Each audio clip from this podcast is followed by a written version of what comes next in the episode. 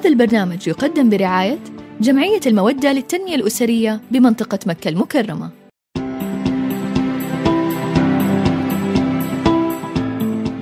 أهلا بكم مستمعينا لحلقة جديدة من برنامج اقرب الصفحة. اليوم اخترنا أنا وبسمة إنه نناقش كتاب الكتاب اسمه Attached المؤلف أمير ليفاين and ريتشل هيلر صحيح غزل. الكتاب ده أنا وأنت قرأناه. أنا قريته قريب بس أنت قريتيه من زمان أنا مرة من زمان أيوه. فإن شاء الله أتذكر وأفيدكم في اللي في معلومات اللي في آه ال- الكتاب صراحة لما قرأته مرة حسيته مفيد لأنه فجأة كده كأنه لمبة نورت فوق راسي إني فجأة استوعبت إنه يا الله قد آم، يعني يفسر أو النظريات اللي يتكلم عنها الكتاب بتفسر علاقات كثير آه، حولنا وعلاقاتنا إحنا آه، مع الطرف الآخر. فمرة ساعدني أفهم آه، أسلوبي تصرفاتي ردة فعل الطرف الآخر بعد ما قريت الكتاب. أنت كيف كان أثره عليك إيش تتذكري؟ أنا طبعا الكتاب في كويز آه، ويساعد الشخص إنه يتعرف على إيش نمط أو نوع ال- الارتباط اللي هو عنده. آه، فكان جدا مساعد لي إني أفهم نفسي وأفهم ليش في بعض المشاعر بأحس فيها. و... وليش أنا بتصرف بطريقة مثلا معينة؟ بينما مثلا أحد تاني بيجعلني أقارن بين نفسي وهل أنا طبيعية؟ هل أنا بالضبط. ليش أنا مختلفة؟ فهذا الشيء أداني إحساس آه، بأنه لا في ناس خلقوا بسبب يمكن نحن حنذكر إنه إيش الأسباب أيوه. ممكن تكون خارج عن إرادتنا. آه، ولكن في النهاية أصبح إحنا طبيعة أو نمط ارتباطنا هو هذا نوع معين من أنواع الارتباط اللي حنذكرها الآن. صح. الكتاب أول شيء بيقول إنه أصلا كيف تكونت هذه آم، أنواع الارتباط عندنا. آه، طبعا هم بنوا الكتاب آه، والدراسات اللي فيه على نظرية الارتباط آه، ل scientist أو لعالم علم نفس اسمه جون باولبي. نظرية الارتباط هذه بتقول إنه أصلا الطفل لما يولد في العالم تولد معاه غريزة آم، عمل الروابط اللي هي مع الوالدين. وهذه الغريزة هي اللي تساعده على البقاء. فأنا فالطفل يتولد ويفكر أنا لازم أعمل علاقة مع أمي عشان أمي هي اللي بتعطيني الأكل أو الغذاء وتهتم فيا لازم أعمل علاقة مع أبوي عشان هو بيحميني. وكيف إن الإنسان لما يكبر يعني حتى الأشخاص البالغين بيصير عندهم تفضل عندهم هذه الغريزة.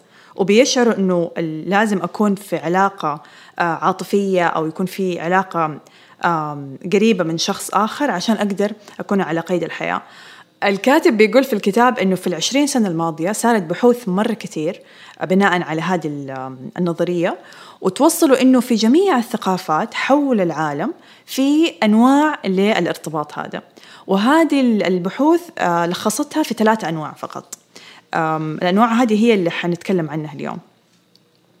من فين جات هذه؟ أول شيء خلينا نقول من فين جات هذه الأنواع. الأنواع هذه يقول لك هي الطريقة اللي انت كطفلة أو كطفل كيف أهلك تجاوبوا مع احتياجاتك. أيوه. اذا فقلنا إنه يعتمد إنه نوع الارتباط حسب كيف كانوا الأهل يجاوبوا مع احتياجات أطفالهم، فمثلا إذا كان الطفل ابوينه أو امه وابوه كانوا جدا متجاوبين مع احتياجاته يعبروا عن مشاعرهم ويحطوا له زي حدود أو كان في يعني تربية إيجابية فحيكون عنده نوع الارتباط الآمن أو ال secured attachment.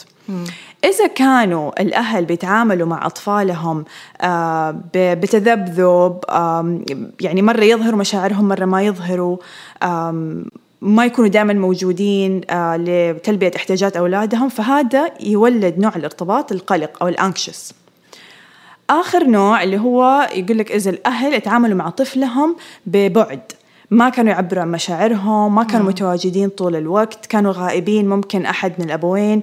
فالطفل ممكن يتكون عنده نوع الارتباط الافويدنت أو المتجنب. فإذا أنواع الارتباط هذه الإنسان بتكبر معه ولكن مو شرط إنه هو يفضل يستمر عليها بقية حياته، يعني في ناس ممكن يبدأ عندهم نوع الارتباط يكون الأفويدنت أو المبتعد، بس ممكن بعدين يقلب ويصير آمن، أو ممكن يصير قلق وهكذا بناء على ظروف حياتهم أو تجارب معينة عدوا فيها. آه، فهي ما هو شيء ثابت. كمان شيء ثاني اللي عجبني في الكتاب إنه بيقول لك إنه هذه انواع الارتباط ما هو شيء غريب، هذا شيء فطري. وغريزة عند الإنسان مولود آه، فيها زي ما ذكرنا عند الأطفال وكمان يعني حتى في بعض الأبحاث اللي أظهرت إنه في علامات بيولوجية في جسم الإنسان آه، بتظهر لما يكون هو قريب من الشخص ال- الشخص اللي هو في علاقة معاه زي زوجه أو زوجته وأيضا هذا الشيء في ديننا غزل مو صح؟ هي. الكلام هذا يمثلها يمثل الآية القرآنية لتسكنوا إليها. ففعلا العلاقة الزوجية هي علاقة راقية جدا. هي علاقة آه، فيها نوع من السكن. فيها نوع السكن مقصود منه السكيورتي اللي هو ال- الإحساس بالأمان. آه، فهو طبعا يعني إنه تكون العلاقة فيها الزوجين الإثنين آه، ارتباطهم نوعه آمن فهذا طبعا يعني اقصى أقصى طموح يعني أي اثنين يبغوا يوصلوا له. وإذا هذا اللي حنتكلم عنه الآن لما نشرح الأنواع. فقلنا في ثلاث أنواع القلق هو المتجنب والآمن. طيب كيف ممكن يكون الشخص القلق أو نوع الارتباط القلق؟ هدول الأشخاص يكونوا دائما عندهم قلق من وضع العلاقة. يحبني ما يحبني يبغاني ما يبغاني مبسوط معاي أو لا. ودائما يحتاجوا إلى أنه هم الشخص اللي معاهم يطمنهم ويأكد لهم أنه هم ترى أنا موجود دائما معاك وأحبك وما حستغنى عنك. أيوة. مثال دائما مثلا نلاقي الزوجة اللي تكلم زوجها مثلا خمسين مرة في الدوام وتسأله مثلا كيف حالك؟ آه إيش حتسوي؟ آه تحبني؟ وحشتك؟ يعني أيوة. تحصل هذه الأشياء دائما. آه فهذا يكون النوع القلق. النوع المتجنب أو الأفويدنت يكونوا هم الأشخاص اللي بالعكس يشعروا لما يكونوا في علاقة إنه هو هذا بياخذ جزء من حريتهم واستقلالهم فيحتاجوا الوقت ويحتاجوا مساحتهم الخاصة فيهم. ممكن تلاقيه يقرر يعني لما يحس نفسه اقترب لدرجة معينة تلاقيه يرجع. أيوه بالضبط. ياخذ خطوة لقدام وعشرة لورا. وللأسف أظن كثير رجال بيكون عندهم هذا ال- الأسلوب لأنه أتوقع طبيعة الرجل ما يعبر كثير عن كمان في مشاعره. التربية هم بي بيسووا يعني بيشوفوا بيطبقوا اللي صح. موجود في العائلة اللي تربوا عليه وهم صغار. ولا تنسي كمان عندنا. الآب بيشوفوا ال- الرجل نموذج الرجل في البيت كيف بيتصرف. وتقاليد المجتمع عندنا. يعني عندنا المجتمع ما يشجع إن الرجل يظهر مشاعره كثير لأسرته آه، أو حتى خارج ال- البيت. فعشان كذا مثلا تلاقي الست دائما تشتكي. زوجي ما يعبر زوجي ما يسأل زوجي دائما يحب يقعد لوحده يحب يخرج لوحده. هو مو عشان ما يحبك أو ما يبغاكي بس ممكن يكون إنه هو يحب مساحته ووقته الخاص. النوع الآمن اللي كلنا نبغى نكون زيه آه هم الأشخاص اللي هم يشعروا براحة لما يكونوا في علاقة وما عندهم أي قلق أو خوف من الحميمية أو من القرب من الشخص الآخر. وفي نفس الوقت يقدروا يحطوا حدود بشكل أنه يكون في علاقة صحية بين ال- الطرفين. زي ما قلنا الأنواع ممكن تتغير. طيب ممكن الأشخاص اللي يسمعون الآن كل واحد يحاول يحلل نفسه. يا ترى أنا من النوع القلق ولا من النوع المبتعد ولا الآمن؟ آه إحنا حنساعدكم في هذا الشيء إنه حطينا لكم رابط الاختبار اللي لكم والاختبار لشريك الحياة أو للطرف الآخر ممكن تستعينوا فيه وتعرفوا بالضبط أنتوا أي نوع بس مو هذه الفكرة. الفكرة إنه حتى لو عرفت أنت إيش نوع الارتباط اللي عندك وإيش اللي عند الطرف الآخر آم، إيش حتسوي؟ هي هذه الفكرة الوعي بهذا فعلاً. النوع. ولو جينا كيف الكتاب آه، الكاتب قسم الكتاب على ثلاث أجزاء. في الجزء الأول آه، حط لنا هذا ال- الاختبار اللي حنجيب الرابط آه، إن شاء الله ونعرضه. عشان تعرفوا نفسكم آه، سواء أنت أو شريك الحياة. ال- الجزء الأوسط أعطاك أعطانا شوية زيادة معلومات في كل نمط أو كل نوع من أنواع الارتباط. والجزء الأخير اللي هو يبغانا نركز عليه اللي هو مهارات التواصل. في حال إنك اكتشفت إنه أنت anxious أو أنت قلق أو أنت avoidant اللي هو الثاني أو secured كيف ممكن يكون التواصل مع الطرف الآخر تواصل فعال عشان تتجنب أي أم، أي خيبات أمل أو أي يعني مشاكل. وبنفس الوقت إنه لما نكون إحنا فاهمين الشخص اللي قدامنا فاهمين نفسنا فاهمين الشخص اللي قدامنا وعارفين إيش أو متوقعين هو كيف حيتصرف. فأنا لما أعرف مثلا إنه والله زوجي من النوع القلوق آه اللي هو ال anxious اللي دائما يبغى إنه أحد يطمنه ودائما يبغى إحساس المستمر باني أنا أحبه وأنا موجودة فأقوم أنا ممكن أقدم هذا الشيء. وفي نفس والعكس صحيح كمان لو كان آه لو كانت الزوجة مثلا من النوع اللي هي المبتعدة وال avoidant برضو الزوج كيف يقدر يتقرب منها؟ وفي حالة الطلاق إحنا هذا اللي إحنا برضو يهمنا أو يهم آه موضوعنا إنه أنا ممكن لو فهمت أنواع الارتباط هذه ممكن حقدر أفهم مواقف أنا عدت معايا في السابق بالضبط، مع أيوة. آه مثلا آه زوجي أو زوجتي سابقا وأقدر أفهم ليش يا ترى الإنسان ده تصرف معي بهذه الطريقة. أنا كنت مثلا دائما أكلمه وأسأل عنه وأبعث له مثلا مسجات وأقول له وحشتني بس هو كان دائما ما يرد أو كان يزعل وما كنت أفهم ليش.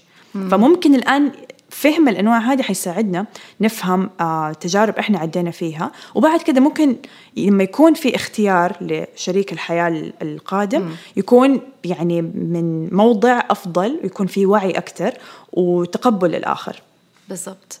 طبعا برضو في ناس كثير غزل ممكن بيسمعونا دحين ويقولوا طيب مثلا أنا زوجي من النوع المبتعد بس أنا أحبه ومبسوطه معاه. يعني إيش أسيبه؟ لا إحنا ما نقول كذا. لا انتبهوا. إحنا ما نقول لكل الناس سيبوا بعض. بالضبط. إحنا بنقول إنه لما تكوني أنت فاهمة ده الشيء في زوجك إنه هذه طبيعته. فأنت تأقلمي حياتك على هذا الأساس. فأنت فرضا عندك أكيد احتياجات مثلا اجتماعية بس زوجك ما من النوع الاجتماعي ما يحب مثلا يخرج كثير أو يروح مناسبات اجتماعية. فأنت ما تفضلي كل مرة تزعلي وتتضاربي معاه انه هو يروح معاكي عزايم ومناسبات يوفر عليكي جهد مرة كبير ويوفر عليكي أنت تستنفذيها في في التوتر وفي القلق إنك يا ترى هو يحبك ولا ما يحبك ترى هو ليش ما بيسأل عني؟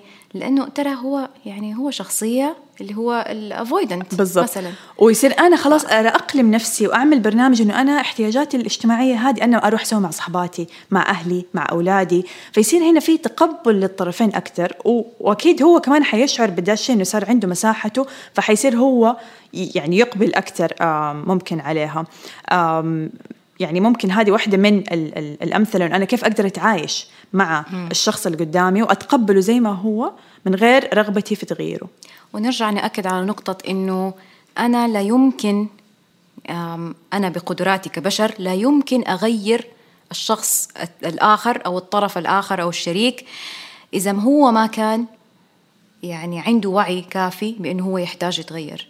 وقتها أكيد. هو حيسعى لأنه يغير نفسه ولكن إنه أنا هل بم- بمقدرتي إنه أغير شريك حياتي؟ لا ولكن أنا أغير طريقة تعاملي معه أغير طريقة آه، است- استجابتي لتصرفاته إني أفهمها وإني أعرف وأحترم هذا الشيء إنه هو مو بيده إنه هو صار بهذا النوع من ال- الارتباط أيوة، الطريقة اللي تربى فيها. بيولوجيا وراثيا طريقة تربيته في البيت وهو المجتمع. صغير ففي أشياء أصلا خارجة عن آه، إرادتنا. صح حتى ترى يساعدنا نفهم كيف أهلنا ربونا. يعني الواحد ممكن أحيانا دائما يقول يا الله أمي ليش كانت كده معايا؟ أو أبوي ليش كده كان؟ أو هم كيف كانوا مع بعض؟ فأحس هذا الشيء مرة يعطينا كمان وعي إنه ليش إحنا طلعنا كده عشان كيف كانوا أهالينا معانا وكيف كانوا هم مع بعض. لأنه زي ما تكلمنا قبل كده علاقة الأم والأب ببعض تأثر كثير على الأطفال وتأثر على علاقاتهم في المستقبل. برضو هنا ممكن نشير إلى أولادنا. بعد الطلاق برضو مهم جدا عشان لا يطلعوا افويدنت أو لا يطلعوا صح. اللي هم ال ال عندهم القلق هذا ال- النوع من الارتباط ده. فبرضو نحن علينا دور كبير عشان ننشئ كمان أجيال عندها اللي هو النوع الارتباط اللي هو الآمن الآمن. سكيور طيب. طيب آه، هذه كانت حلقتنا لليوم مستمعينا. حلقة كانت خفيفة وظريفة. أتمنى أنه يكون عجبكم الكتاب. آه، الكتاب ما أتوقع أنه موجود بالعربي إلى الآن. آه، هو موجود بالإنجليزي. ممكن يكون في على أمازون. حنحطه إن شاء الله في المصادر. وفي كمان تدوينة وفي موقع للكتاب برضو حنشاركها معاكم لو تحبوا تعرفوا معلومات أكثر عنه. خلاصة الكلام فهم الأنماط يجعلنا متفهمين أكثر للطرف الثاني حتى ما نحكم عليه. ومش دورنا إنه نغير هذا الشخص لأنه تغيير الشخص الآخر حيحط ضغط على العلاقة الزوجية. شكرا لكم مستمعينا. آه، حابين نسمع رأيكم في حلقة اليوم. تواصلوا معنا على آه، فيسبوك تويتر أو إنستغرام إقلب الصفحة. وبرضو على الإيميل info at إقلب الصفحة دوت كوم كانت معاكم اليوم بسمة وغزل. هذا البرنامج يقدم برعاية جمعية المودة للتنمية الأسرية بمنطقة مكة المكرمة.